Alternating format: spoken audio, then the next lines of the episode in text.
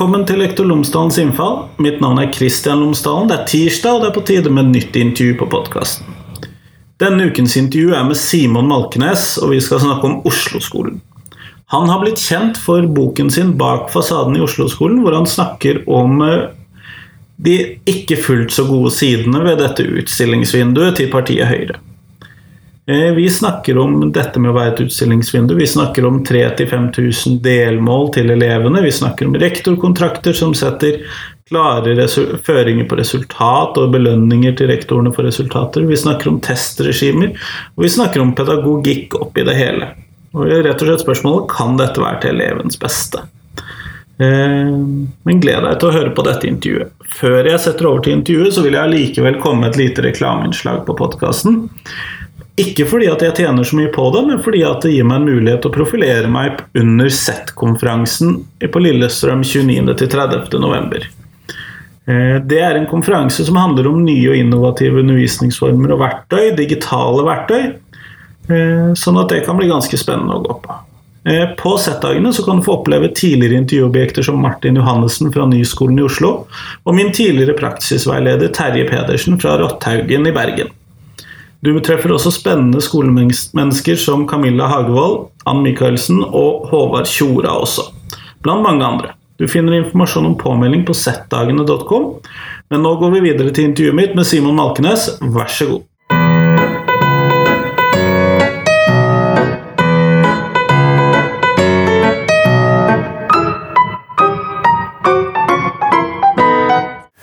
Før ni om morgenen på en lørdag. Tusen takk for at du har kommet for å prate med meg, Simon. Bare hyggelig. Kunne du fortalt lytterne mine tre ting om deg selv før vi starter? Det kan jeg prøve på. En uh, rekkehusfar med to barn og hund på Oslo øst. Som uh, har blitt uh, midt i livet, kanskje. 44 år eller noe sånt. Og Jobba som lektor i skolen i 15-16-17 år. Alt etter som jeg regner på det. Eh, skrev min første bok, eller ga den ut i 2008. Det har blitt fire bøker. De siste to har handla om skole. Og det er kanskje derfor jeg sitter her nå, fordi at vi skal snakke om skole. Så Det er vel boken om Oslo-skolen som kanskje er mest kjent? Ja, det ble jo sånn. Eh, og jeg er jo glad for det, for den eh, Det var jo eh, hva heter det, en trang fødsel. En smertefull prosess. Nei, ja, ja, den er jo mest kjent, og den er jo den som har på en måte satt kursen for kanskje årene etter den kom ut, fordi at jeg har eh, forvilla meg inn i skolepolitikken og ikke funnet veien ut. Så, eh, og da blir det veldig altoppslukende og mye skolepolitikk, for det er jo sånn skolepolitikk er. Så eh, ellers så er jeg vestlending eh, fra Florø. Savner havet og ser masse tett granskog på Bøler i Oslo, der jeg bor. Ja, det er noe annet enn utsikten fra Florø. Mm. Eh, og det er jo nettopp Oslo-skolen eh, vi skulle prate om her i dag. Ja. Eh, hva er det som er så spesielt med Oslo-skolen? Ja, det er jo veldig Det kan jeg ikke si på én setting, men vi kan begynne. nå. det som eh, er det spesielle med Oslo-skolen, er jo at den har vært veldig sentral i eh, norsk skole nesten siden det berømte PISA-sjokket i 2001. Den har vært skolefyrtårn for, et, for en skolepolitikk som ble innført eh, eh sammen med Kunnskapsløftet, da, som kom eh, noen år etterpå. Eh, og den har profilert eh, spesielt høyresida sin skolepolitikk, som er en veldig spesiell form for måte å drive skole på som uh, selvfølgelig importert fra USA osv. Det her må vi snakke masse om, om, litt. Men det gjør den veldig spesiell, at den har blitt uh, uh, skolefyrtårnet, og at den da har fungert som bevis på en vellykka skolepolitikk i veldig mange år. Og den har gitt grunnlag for at Høyre har fremstått som, skolepartiet har på en måte hatt det en kaller eierskap til det saksfeltet i mange år. Eh, og det går an å si, hvis du drar litt langt på det, at uh, Oslo-skolen som skolefyrtårn er òg en viktig del av det som gjør at Høyre har kunnet sitte i regjering i fire år, og, og sitte fortsatt fordi at de har eid skole og dermed hatt muligheter til å havne i regjeringsposisjon. Så det, det er ganske svære greier. Det er både realpolitisk og skolepolitisk, med andre ord. Ja, det, det er det, og det er eh, Det som er viktig å vite, er at det er veldig ideologisk. Altså det er veldig, Den måten å drive skole på er eh, reinbarka politikk. Eh, og da er det jo jeg kom inn, fordi at jeg har skrevet bok der jeg prøver å si noe om at eh, den måten å tenke og drive skole på ikke er nødvendigvis bra for ungene som går i skolen, selv om den kan være nyttig for det politiske sjiktet rundt som kan eh, bruke den til å profilere seg på skolen. Og da er vi liksom i en konfliktlinje som er veldig sentral, da, fordi at eh, en lager en skole som jeg påstår er en kjempesuksess. Er Oslo-skolen verdens beste, skrev jo Kristin Clemet i Aftenposten. Men det viser seg at den eh, ikke er bra for unger. Og, og, og da bør jeg sette seg ned og ta en prat. Ja, For det strider vel kanskje litt mot eh, hva skal vi kalle det, målet for oss lærere? Ja, det, det absolutt. Og det er jo en del av denne måten å tenke skole på, da, at uh, lærerens stemme og rolle uh, ikke er så viktig. Den kan være til hinder for uh, den måten å drive skole på. Eh, og at en kan ønske seg at lærere ikke skal si fra om ting de eh, mener ikke fungerer, eller ja, hele den her eh, ytringskulturdebatten som, som er, er ei side av, av Oslo-skolen, da, det er at uh, det ikke er kanaler for å, å peke på problemene i skolen og snakke om de tingene som er vanskelig, men at en ønsker å lage, fremstille alt som suksessfortellinger. Det er jo en viktig del av det her. Men eh, kunne du gi meg noen kjennetegn på Oslo-skolen? For, altså, for Ja, de som ikke jobber der allerede? Absolutt. Eh, en har liksom eh, det er i, i, Hvis du leser avisen, så står det, kalles det for sånn testregime og sånn. Det er en viktig side av det. Det det, det heter på fint i importseddelen, er jo test-based accountability. Det betyr at jeg bruker standardiserte prøver i skolen for å ansvarliggjøre de som jobber i skolen, for testresultatene.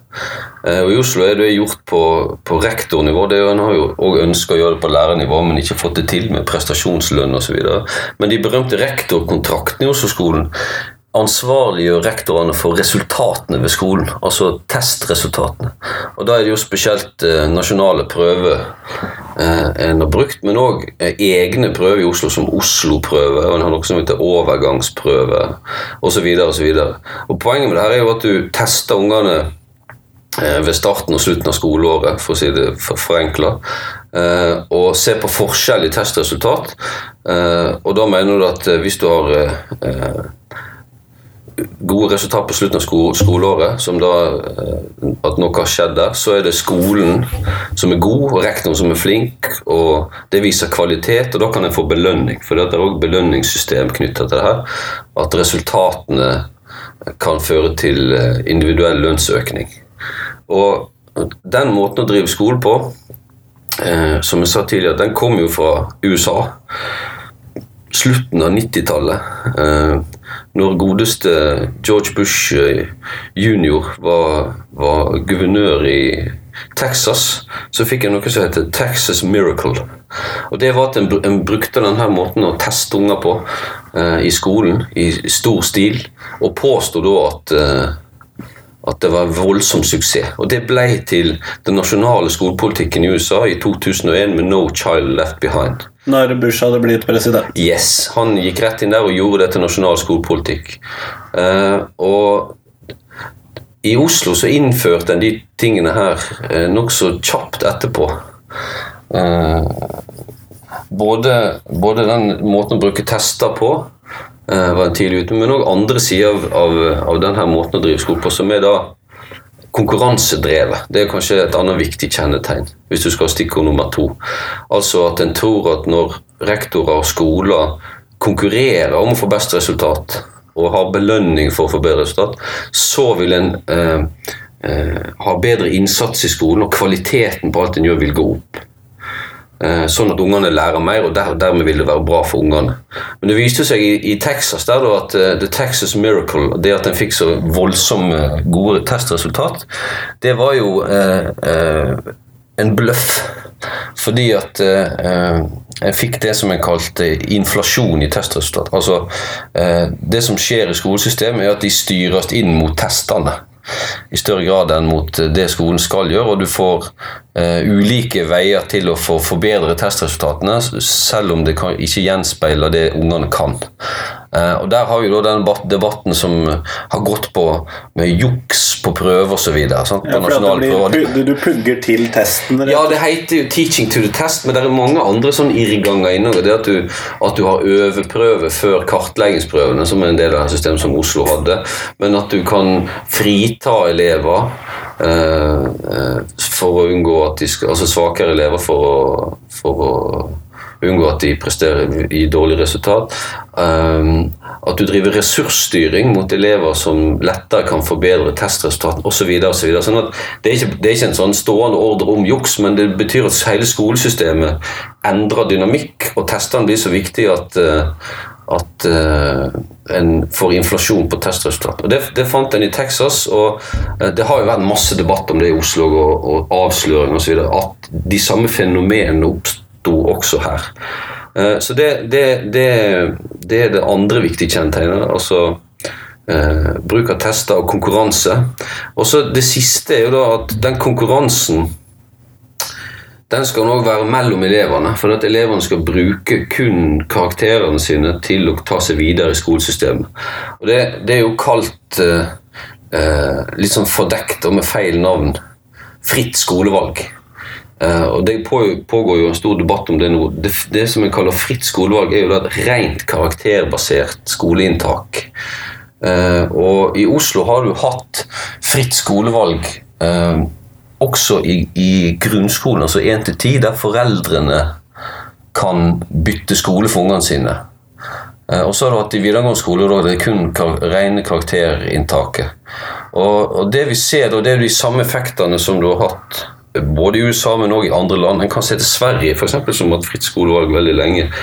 At du får økende forskjeller mellom skoler. fordi at På noen skoler så samler du opp de flinke elevene, mens på andre skoler så får du, samler du opp de svake elevene. Så du får A- og B-skoler. Og um, Fersk doktoravhandling fra NTNU studerte jo det fenomenet i Oslo og fant at rektorene sjøl i Oslo kaller det her for brune og hvite skoler. Fordi at det er segregering etter sosioøkonomiske kriterier, men òg etter etnisitet.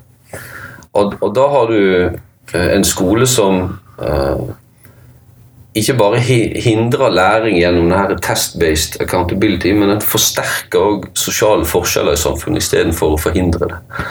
Uh, og Det er de samme funnene som en har en masse i en rekke land der det her pågår. Uh, så, så, det er kanskje, hvis du skal sånn rask gjennomgang av de viktigste kjennetegnene ved den skolemodellen her, da, er test-based accountability, konkurranse, og det frie skolevalget. Eh, og, det er da ønska og villa politikk fra Høyre spesielt, som har profilert seg på det her, og som har hevda at det her er kjempesuksessfortelling som nå sprekker så det synger etter i media. Eh, og som når de fosser ord for å påstå at de ikke har hatt noe med det her å gjøre i det hele tatt. Og at det er noe sånn som i de siste debattene som handler om fritt skolevalg osv., eh, driver en og påstår at det, da, det her er ikke skolen som skolesystemet som skaper de her situasjonene, men at det er element utafor skolen. Eh, som, som det er som er forstyrrende. Og, eh, så en, en leter etter dårlige forklaringer for å unngå å ta ansvar for sin egen som jeg påstår, mislykka skolepolitikk i 15 år. Det var ganske mye. Det er jo det. Det er en lang fortelling. Det er, sånn, det er jo som jeg sa tidligere, altså etter den boka mi kom i 2014, så er det jo det, er jo det her som har spist opp ettermiddager og kvelder for meg sånn jevnt. Så det er masse. Og det er eh, det er innvikla, tungt og, og, veldig komplekst å sette seg inn i. Så jeg prøver etter fatteevne å forenkle her, men eh, det er ikke sikkert det går så greit. Så du får eh, be om en eh, ekstra runde hvis det trengs. Men det høres jo ut som ut ifra dette systemet at jeg som rektor helst vil ha de lette, greie elevene. Ja, altså, og det finner en òg. Altså, eh, den doktoravhandlinga, Ingvild Bjordal, fant jo det at eh, eh, Den havner i shownotes. Ja, absolutt. Eh, den, eh, hun fant jo det at eh, i skolene de profilerer seg mot eh, foreldre.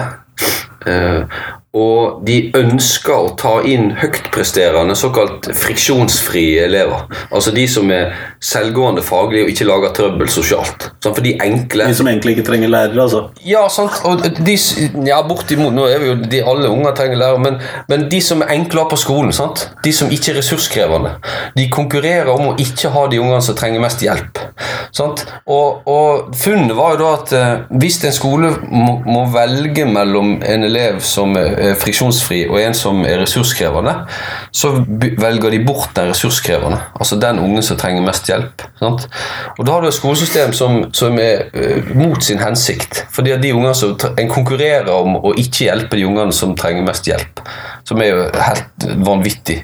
Og, og, og det skjer, da. Og, og det ligger i i konkurransen mellom skoler om elevene. Fordi at eh, eh, de høytpresterende de, de er ønska, og de krevende de velger en bort hvis en kan. Og hvis en ikke kan, så får en sånne eh, det er noe kalt B-skoler, eller skoler med en opphoping av svært krevende elever. Som er, altså, som er, der du har veldig stor del av Eller større del enn det en kan kalle naturlige, hva det måtte være.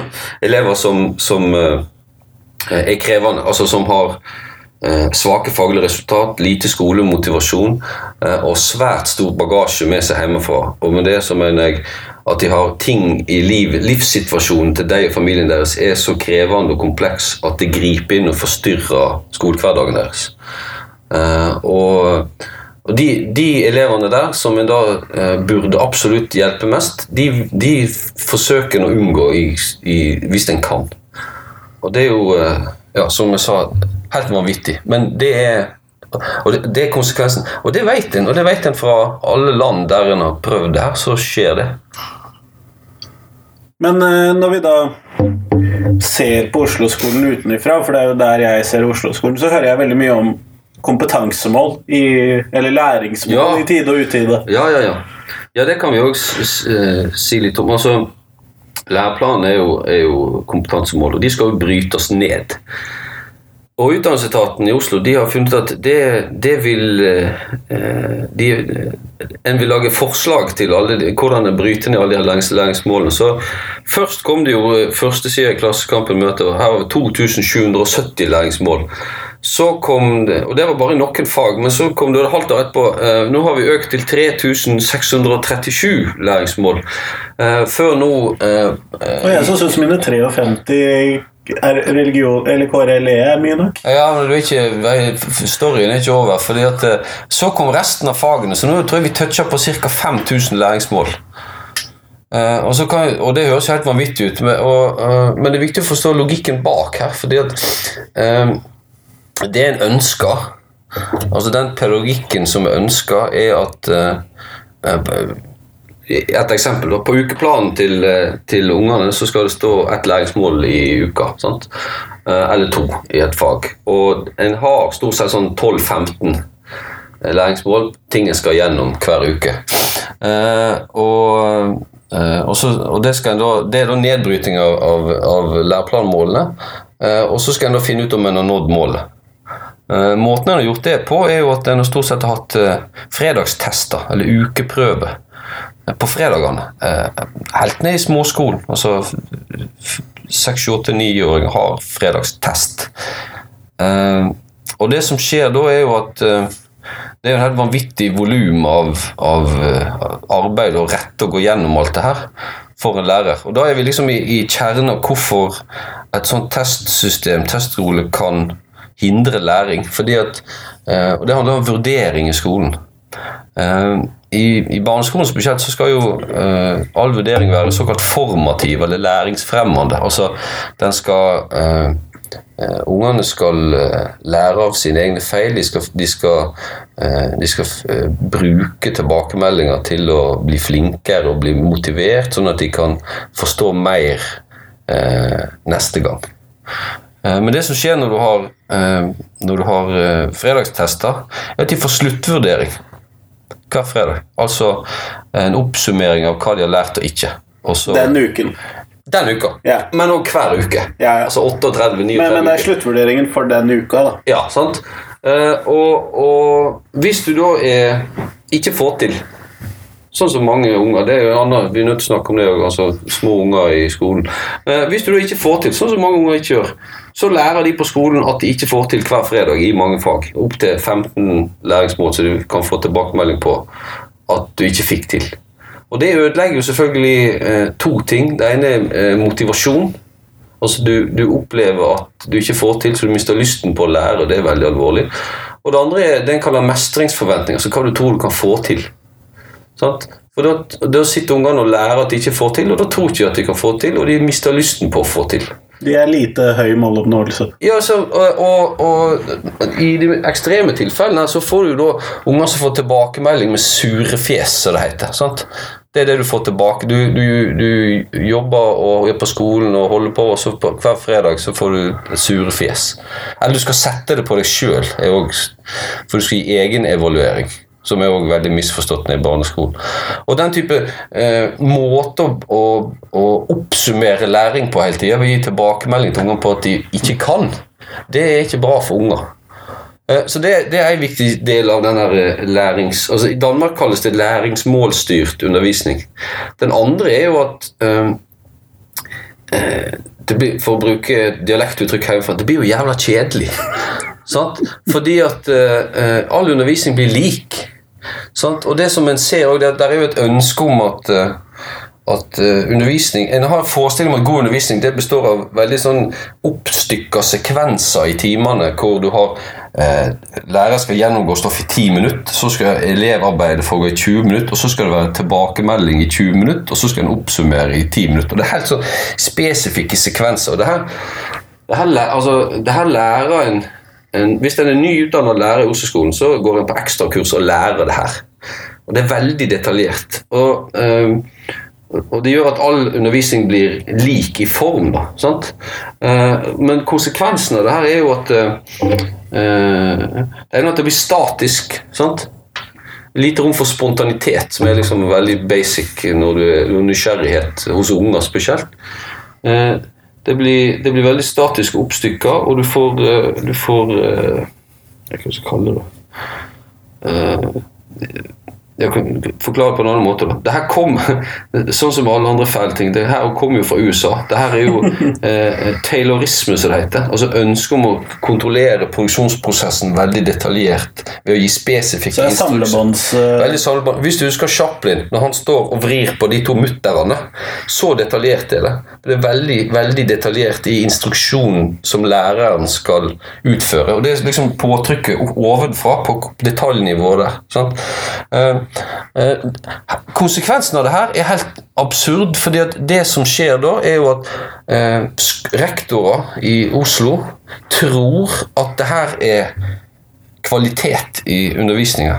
Men for å få plass til alle sekvensene som de tror de må ha med for at en time skal bli god, så må de utvide undervisningstimen.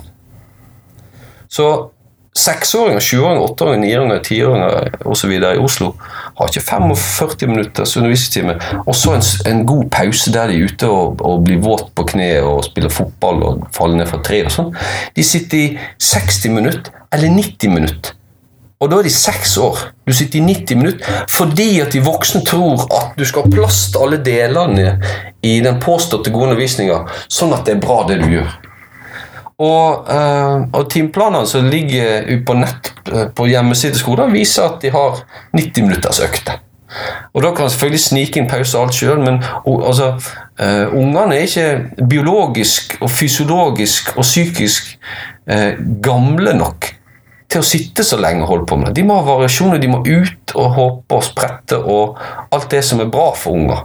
Så du får en helt sånn absurd logikk hvor eh, ønsket om å gjøre det bra det er gode, gode intensjoner hos de som ønsker 90 minutters økte. Eh, overstyrer eh, hensynet til ungene. Og det er ikke sånn at alle unger blir ramma av det her, og sånt, men det, det lager situasjoner som ikke er nødvendigvis til ungenes beste. Sant? Eh, og, Det høres jo ut som det rammer de fleste elevene som ikke tilhører det hva skal vi kalle den teoretisk anlagte Ja, Vi er tilbake til de friksjonsfrie og de som ikke er friksjonsfrie. sant? Eh, og Nå satt jeg i, i går, og så, for jeg hørte på podkasten med Pe- Peder Haug og, og Camilla Stoltenberg sitt funn om ADHD. Altså, De ungene som, som ikke er modne nok eh, i kroppen sin, eh, som er født seint på året, de ligger høgst på diagnostisering av ADHD. Altså, det at du er den minste, gjør at du ender opp og blir medisinert. Og det er, det er så forferdelig trist at eh, jeg har bare lyst til å grine. Eh, Men det jeg må forstå, det er jo at i skolen så er det Altså der, er- En kan kalle det fire års variasjon på hvert trinn. Sant? En første klasse der er det fem- og seksåringer. Noen av seksåringene de er som sjuåringer, noen av femåringene er som fireåringer. Sant? Og det, Måten vi lager det her til på, da, er jo at vi får eh, eh, Vi lager en skole hvor spesielt de, de, de minste, de som er som fireåringer, de, eh, de fanger vi i 90 minutter sant? i det her greiene her. De som egentlig skulle løpt rundt i barnehagen. Ja, de kom jo fra en barnehage der de leker ute, sant? Og, og så videre. Og så har de sommerferie, og de går og det, de kiler en vogn, og, og, og en skal begynne på skolen, så kommer på skolen, og så pang! Så du, sitter du i 90 minutter. Eh, og du sitter ofte med 30 stykken. Sant? Og det er, en, det er jo en annen planet. Det er akkurat sånn eh, Plutselig er alt på TV svart-hvitt igjen. Sant? Du kommer fra farge eh, HD-TV-sommer, der du skal bli stor og begynne på skolen, og det er den sommeren hvor du, hvor du bader, hopper og, og slår hull på kne og sånn. Og så kommer du på skolen og får sekk og pennal, og så bom, så er det svart-hvitt. Eh, og og det, det, det er triste greier, altså. Og det eh, det der, Spesielt det der med lange undervisningsøkter og sånn, eh, det, det er kan ikke forstå at det er bra for ungene. Eh, det- Sånn at det er lange undervisningsøkter eh, for småbarn. Det er testregimer for småbarn. Det er eh, 18 000 læringsmål. Ja, for det vi begynte med vi, Det gled jo litt. Ja, det er, du har jo alle de læringsmålene sant, som, eh, som er jeg ønska ovenfra at en skal bruke. Og, men konsekvensen av det er de tingene her. Sant? For ned på bakken, så hvis du organiserer det på den måten, så ender du fort opp her hvor du får de her eh, lange øktene, veldig oppstykka eh, eller detaljert instruks på hva som skal skje i timene. eh, Og tilbakemeldingskultur med fredagstester osv. Og og det, det er jo ikke bra for unger. Men uh, intensjonene er gode fra uh, kommandosentralen der oppe. At det her blir bra greier. Uh, det er jo også en absurd ting med de her læringsmålene. De er jo laga for at skal at de skal kunne importeres til sånn digital læringsplattform. Sant? Så det som ønsker jeg, men det er jo at det, det skal funke bra på nettet liksom, for de voksne. At du skal få, det ut i en fin ukeplan. Men konsekvensen er at, eh, at du sperrer ungene dine. Lett å lage multiple choice-tester.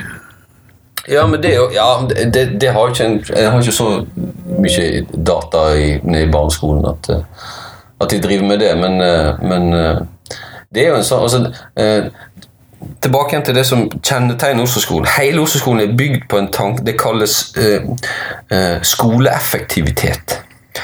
Det ligger i bunnen her. En ønske om å effektivisere alle prosesser for å få mer ut av pengene en bruker på skoler. Altså input-output gammel sånn fabrikkmodell.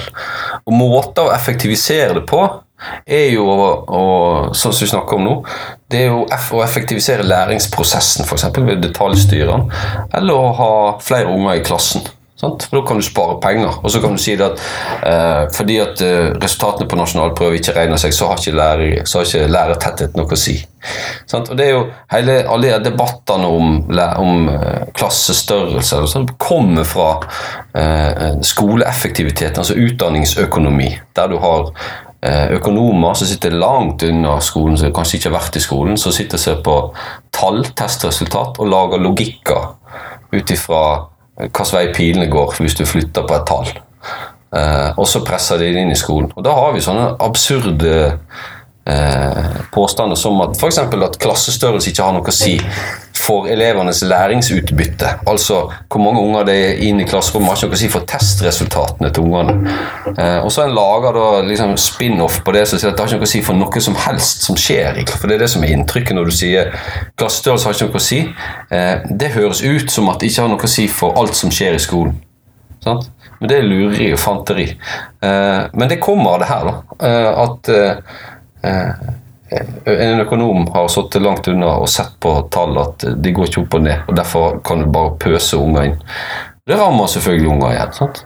Og så har du da den andre sida når læreren prøver å si at der har noe å si, så blir det påstått at vi har bevis. Det står her i, i Excel-arket mitt. Så er det like langt. Så du får sånne det det kan kalle styringslogikker da, ovenfra i skolesystemet, i styringssystemene i skolen, som, som rammer ungene. Og, og, Det er jo litt av det som jeg har prøvd å skrive bok om, og, og rope og skrike i offentligheten òg, at uh, styringssystem hindrer læring, og styringssystem øker sosiale forskjeller. Og Det er det en må se på i skolen. Det er ikke det er ikke lærerens eh, jobb i klasserommet som er problemet i norsk skole, det er måten skolen er styrt på. I Oslo så har man jo en ganske spesiell struktur, ettersom Oslo både er kommune og fylke i ett, og ansvar for videregående og for barneskolen og for barnehager og alt mulig. Um, men det betyr også at man har fått Utdanningsetaten. Ja. Eh. Norges største etat. Er det det? Ja. Det er det. Nå er, nå, nå, det er litt sånn tenk på et tall, men jeg mener å ha hørt at det er eh, altså, Som er ansatt med lærere og alle folk som jobber i det her, så er det om det var 16 000 mennesker som er ansatt. Det er en substansiell størrelse, altså? Ja, det er det. Og den er, den er jo viktig i forståelsen av det her eh, eh, Oslo-skolen som skolefyrtårn. og Det er en, det er en på fint kalla politisk-vitenskapelig regime som, som eh, har styrt Oslo-skolen. altså sammenstillinga mellom det eh, politiske og måten en har valgt ut eh, enkelte kunnskapsfelt til å liksom understøtte politikken. Utdanningsetaten er jo en, en uh, supertanker som er svær. Du vet Supertanker de må du liksom bremse opp i en dag før du kan begynne å styre, og sette ny kurs på. Uh, og det er jo ikke til å komme forbi at uh, den kapteinen på den supertankeren har jo vært samme person i alle år her. Uh, og det har Også etter uh, politisk skifte? Ja, det har det. Uh, og, og, og, det, det er litt sånn på personnivå, så jeg skal være veldig forsiktig. Men det er òg et kjennetegn ved Oslo-skolen, måten den er styrt på fra direktørnivå. Det er ikke å komme forbi at, at det har med enkeltpersoner å gjøre, måten de har utført de politiske bestillingene for byrådet.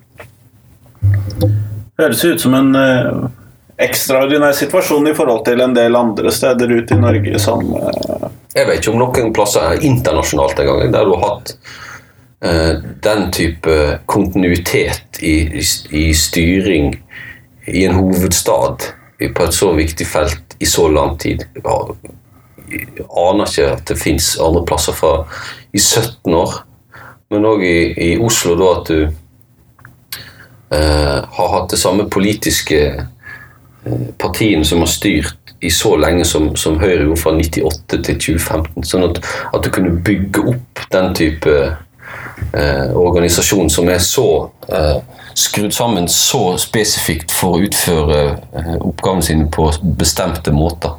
Det er veldig, veldig spesielt. Og det, det preger selvfølgelig kulturen i utdanningsetaten.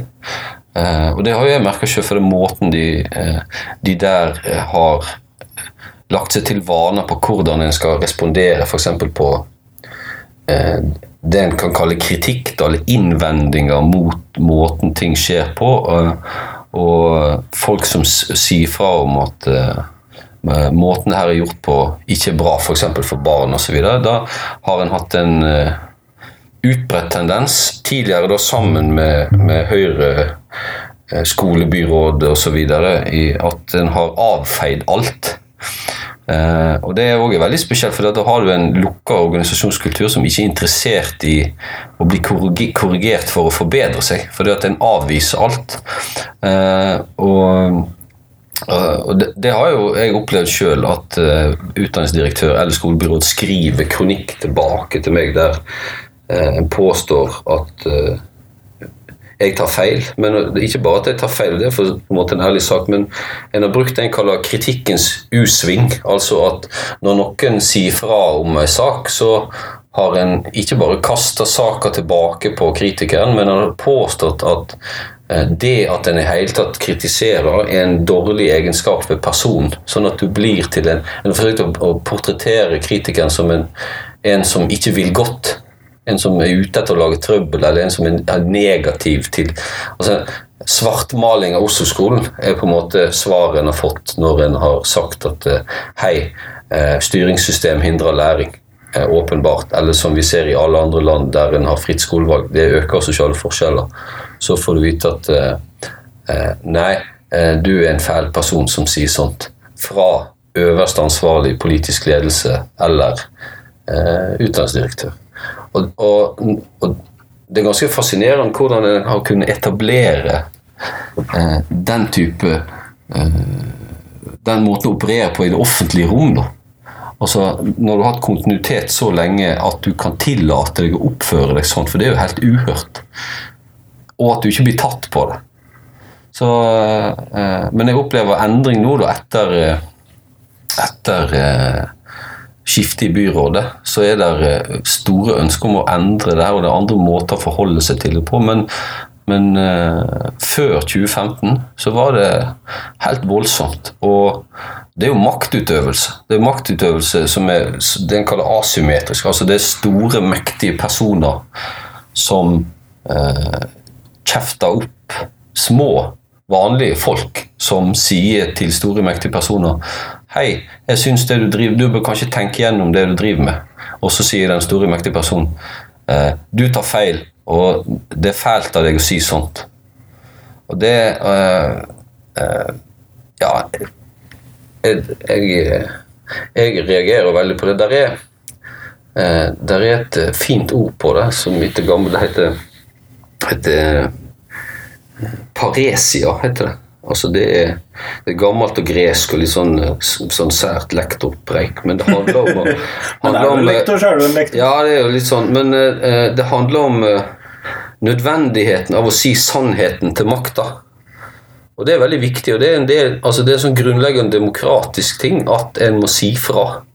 Uh, og, og, spesielt når makta ikke vil høre, for det betyr at uh, da, er, da, har du nok rett. Det bekrefter at en del av det du sier, faktisk uh,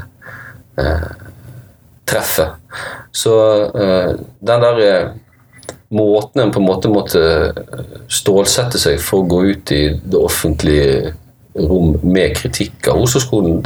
Det var bratt læringskurve. Altså, det er ikke kult når 140 rektorer av 180 skriver kronikk til meg og to personer til. En av de som er mor til en gutt som ikke hadde det bra på skolen, og blir kjefta opp og anklaga for å smart, svartmale skolen, samtidig som 140 rektorer sier eh, alt vi har gjort er veldig bra, og det er bare utdanningsdirektøren som, har, som er ansvarlig for det her. Det er helt sånn absurd logikk. Og det er også sånn, Jeg har heller aldri hørt om det internasjonalt at noe sånt har skjedd. Det er et helt, helt ekstremt fenomen. Så jeg gleder meg veldig til doktoravhandlinga om rektorkronikken i Oslo-skolen. For det er en sånn studie i i, i, organisasjonskultur og lojalitetskrav som, eh, som en burde bore dypt og gravd i det der. Hvordan kan du, kan du ende opp i en situasjon der på den supertankeren da, hvor, eh, hvor uh, du har hvor 140 av de 180 vet ikke hvor prosent det blir, har behov for å uttrykke lojalitet til sin øverste sjef når det blir stilt kritiske spørsmål. Veldig, veldig Jeg vet ikke om noen andre plasser det, det kan skje. Apropos lojalitet. Ja. Eh, jeg har jo hørt om noen eh, I hvert fall rektorer, om ikke eh, At det har kommet helt sentralt fra det, vet jeg ikke. Men at man ikke skal uttale seg kritisk om Oslo-skolen. Sånn Ja, altså Tenker du på rektorer, da? Ja, det er vel ja. det er vel der vi har sett sånne Ja, powerpoint-slides og Ja, der, der er jo altså um, Det er jo sammensatt. Sant? For det, det er jo aldri sånn at det er en, på en måte en stående ordre om at eh, der alle har fått en en e-post om at du skal ikke si sånn og sånn. og sånn. Poenget her er jo, poenget er jo, her er jo samspillet mellom folk, og hvordan en eh, ender opp med å få en kultur hvor eh, det er lurere å holde stilt enn å si fra. Eh, og spesielt om, om ting som er, eh, som er vanskelig. Da. Altså Helt konkret De her skolevoldsakene som har gått i media siden i mai, som handler om fritt skolevalg og stykkpris og sånn, det her er jo ikke et nytt fenomen. Og det har jo vært rektorer på mange av de skolene i mange år som, som ikke har sagt noe, i hvert fall ikke i offentligheten, som jeg vet. Eh, og det betyr at den Altså Klassikeren her er jo Haugerud-saka, den berømte powerpointen, der det, der det står eksplisitt at, eh, at eh, lojaliteten din er til den politiske bestillinga. Altså at du som, som, som lærer og rektor der lager en rolleforståelse hvor du er en, du er en sånn politisk frontsoldat, og du skal bare utføre den, den politiske bestillingen. Du har ikke et samfunnsmandat eller et samfunnsansvar og et hensyn til barnas beste, men du skal gjøre det du får beskjed om fra politisk hold. Og, eh, og hvis det da havner i konflikt med det du mener er samfunnsmandatet ditt, så skal ikke du si noe. Da sto det på Haugerud sin powerpoint, at, eh, altså Haugerud skole sin powerpoint, at eh, eh, da kan du stemme eh, ved neste valg. Det var liksom ytringsmuligheten din. Eh, og Det er på en måte den mest detaljerte instruksen på hvordan det her fungerer. Da. Og Det gjør jo at du har at lærere ikke sier fra, og rektorer ikke sier fra. Sant? Eh, I offentligheten. Og, og det har jo gjort at du kunne hatt den her polerte fasaden hvor, eh, hvor eh, alle tror at alt er bra. For ingen har jo sagt at ting ikke funker. Eh, og det er veldig spesielt. Og så kan jeg da si at eh, eh, er det her villa politikk, eller er sånn, sånn som du sier, altså er det en instruks ovenfra? Det, ene er det sosiale samspillet mellom voksne folk, hvordan du lager kulturer og sånn. Det andre er helt sånn organisatorisk og strukturelt. Hvordan, og det er helt bevisst i Oslo har en stengt ned alle kanaler der du kan fremme kritikk. De fins ikke. De finnes i svært liten grad. Altså alt fra på skolen, hvordan du skal kunne komme med innsigelser og påvirke beslutningsprosesser. Det vekk. Eh, på, videre opp på rektornivå og sånn, så er det sånn at det er ingen kanaler der hvor rektoren har et profesjonsfellesskap der de kan diskutere fred og hvordan det skal være å være rektor i Oslo. De er, de er eh, organisert hierarkisk med kommandostruktur fra områdedirektør ned til rektor. Rektor er, blir ansvarliggjort for testresultatene sine av en områdedirektør. Eh, i, og der har vi de berømte rektorkontrakten. sant? Der hvor, hvor på en måte det som Utdanningsetaten kaller bestilling og leveranse. De bestiller gode resultater, rektor skal levere. Det er på en måte konsern eh, Oslo-skolen. Hørtes ut som en fabrikk. Det, det, altså Modellen er fabrikk. Det, vi er tilbake til, til Modern Times og Chaplin før han blir slukt av maskiner. Eh, og, og skal, eh, det betyr at eh, når du blir ansvarliggjort eh, sånn, av en sjef hele tida, én til én Eh, og du har kontraktsfester eh, der det blir registrert avvik. Da. Hvis du har dårlige testresultat, så er det, negativt, er det røde tall for deg. Det kan bety mindre lønn, f.eks., men du kan få bedre lønn hvis du eh, har gode resultat. Sant? Eh, poenget er at det er gjort én til én i, i, i, eh, i enerom. Eh, og at rektorene ikke har et profesjonsfellesskap, det ble oppløst når, når Høyre omorganiserte eh, Oslo-skolen.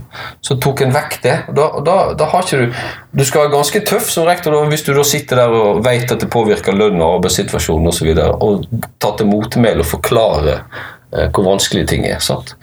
Eh, og, de, og, den, og det, er strukturelt. Det, det er villa politikk, og det er måten en har, har stengt Husk at hvis en driver med skoleeffektivitet Demokrati er, er ineffektive greier. Det tar lang tid.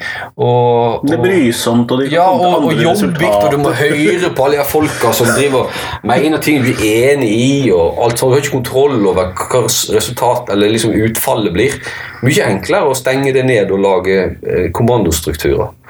Det er effektivt, som en ønsker. En ønsker eh, det, det er en sånn sjamporeklame der en ønsker forventer effektivitet. Så det er litt sånn, da. At, at eh, eh, må, altså målet her står eh, i, i tidlig i Oslo-skolens historikk med at en, en, eh, eh, en vil ha mer igjen for pengene. Og da, da, da løser en det òg sånn. Så det, det, det ligger jo strukturelt. Sant? At, at det lager en lager vansker med å ha gode ytringsklima. Og det gjør jo f.eks. Eh, rektorene eh, er jo ikke opptatt av å lære å lytte av kritikk for å forbedre det de driver med, nødvendigvis. Sånn, de kan avfeie det og si det at det har ikke vi Klassikeren her, det er nødt til å nevne det eh, eh, det er måten en håndterer det på, og det er helt konkret. og det her, Jeg har opplevd det sjøl flere ganger, og jeg har fått ørten meldinger om at det skjer på en rekke skoler. Det er eh, etter et personalmøte, for det finnes jo fortsatt. Eh, der du kommer med en kritisk bemerkning, så får du vite i etterkant at eh, flere anonyme lærere reagerte på det du sa på personalmøtet. Det er mitt ansvar som rektor at alle har et godt arbeidsmiljø. Derfor bør du tenke deg om før du sier sånne ting på personalmøtet. Og Det er sånn type sånn elegant måte å si det at det, det der greiene der bør ikke du si, for det, det passer ikke her. Og Det er mange sånne triks en bruker da, for å stenge ned alt det der. Sånt. Men uansett, om, om, du er sånn at du sier fra på et personalmøte, så klarer ikke du, du får aldri påvirke beslutningsprosessen, for den, den, det, det, blir jo bestemt uansett. Mange sånne ting, da. Men, men summen av det her er jo at du har en, du har en uh, organisasjonskultur som, som uh, ikke er åpen, ikke tillitsbasert, uh, og som uh, da sånn paradoksalt nok og, og, da ikke kan sies å være effektiv. Fordi at den er jo dysfunksjonell. Sånn? Den halter av gårde, og den, den altså, Folk jobber bedre når de trives og får lov til å ytre seg og påvirke det de driver med. Det jo, da kan man jo også korrigere det som eventuelt er feil? All forbedring skjer ved at, uh, gjennom korrigering. Sant? Fordi at du må lære av feilene dine. Hvis du ikke innrømmer feil, som er på en måte bunnplanken i det her måten å tenke på Hvis du aldri innrømmer feil, så vil du aldri forbedre. Du igjen, det er, hvem det er? Einstein som sier det at uh, galskap det er å, å, gjøre det samme helt til å forvente nytt resultat. Sant? Og det er litt her hvor du, hvor du, hvor du en, Når du ikke innrømmer feil du ikke stiller deg åpen for innover, så kan du ikke forbedre deg og bli flinkere til det du driver med. Det, det, det, det er basic i all pedagogikk og alt, men, men, det har du her, da.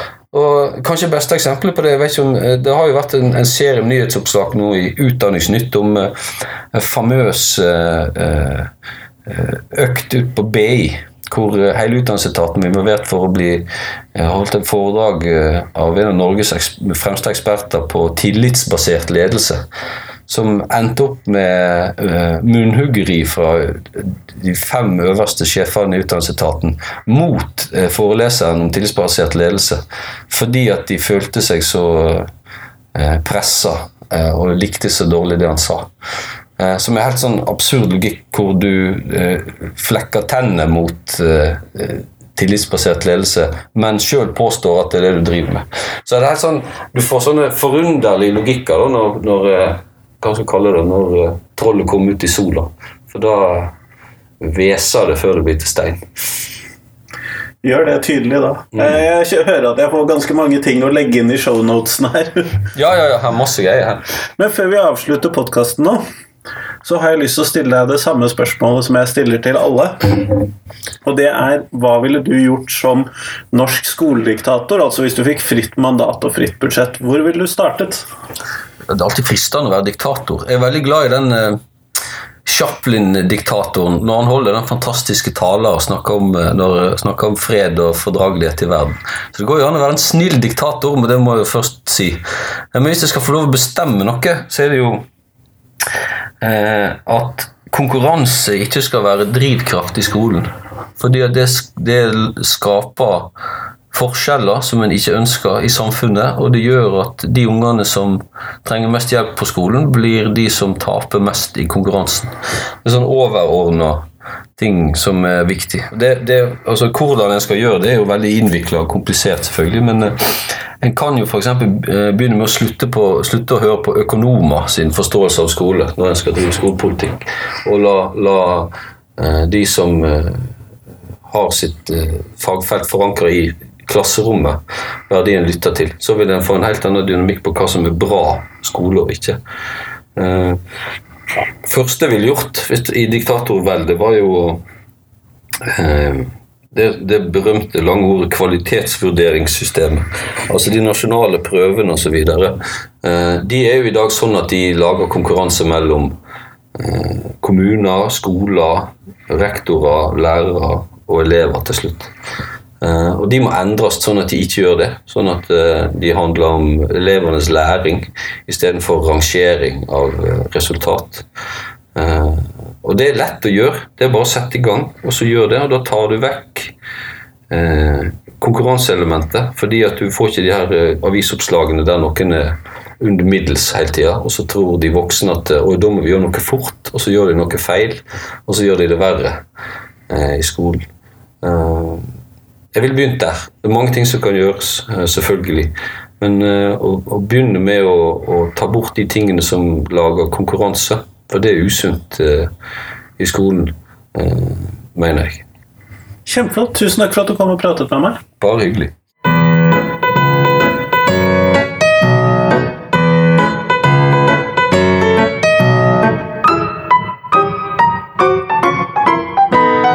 Tusen takk til Simon, og tusen takk til deg som hørte på.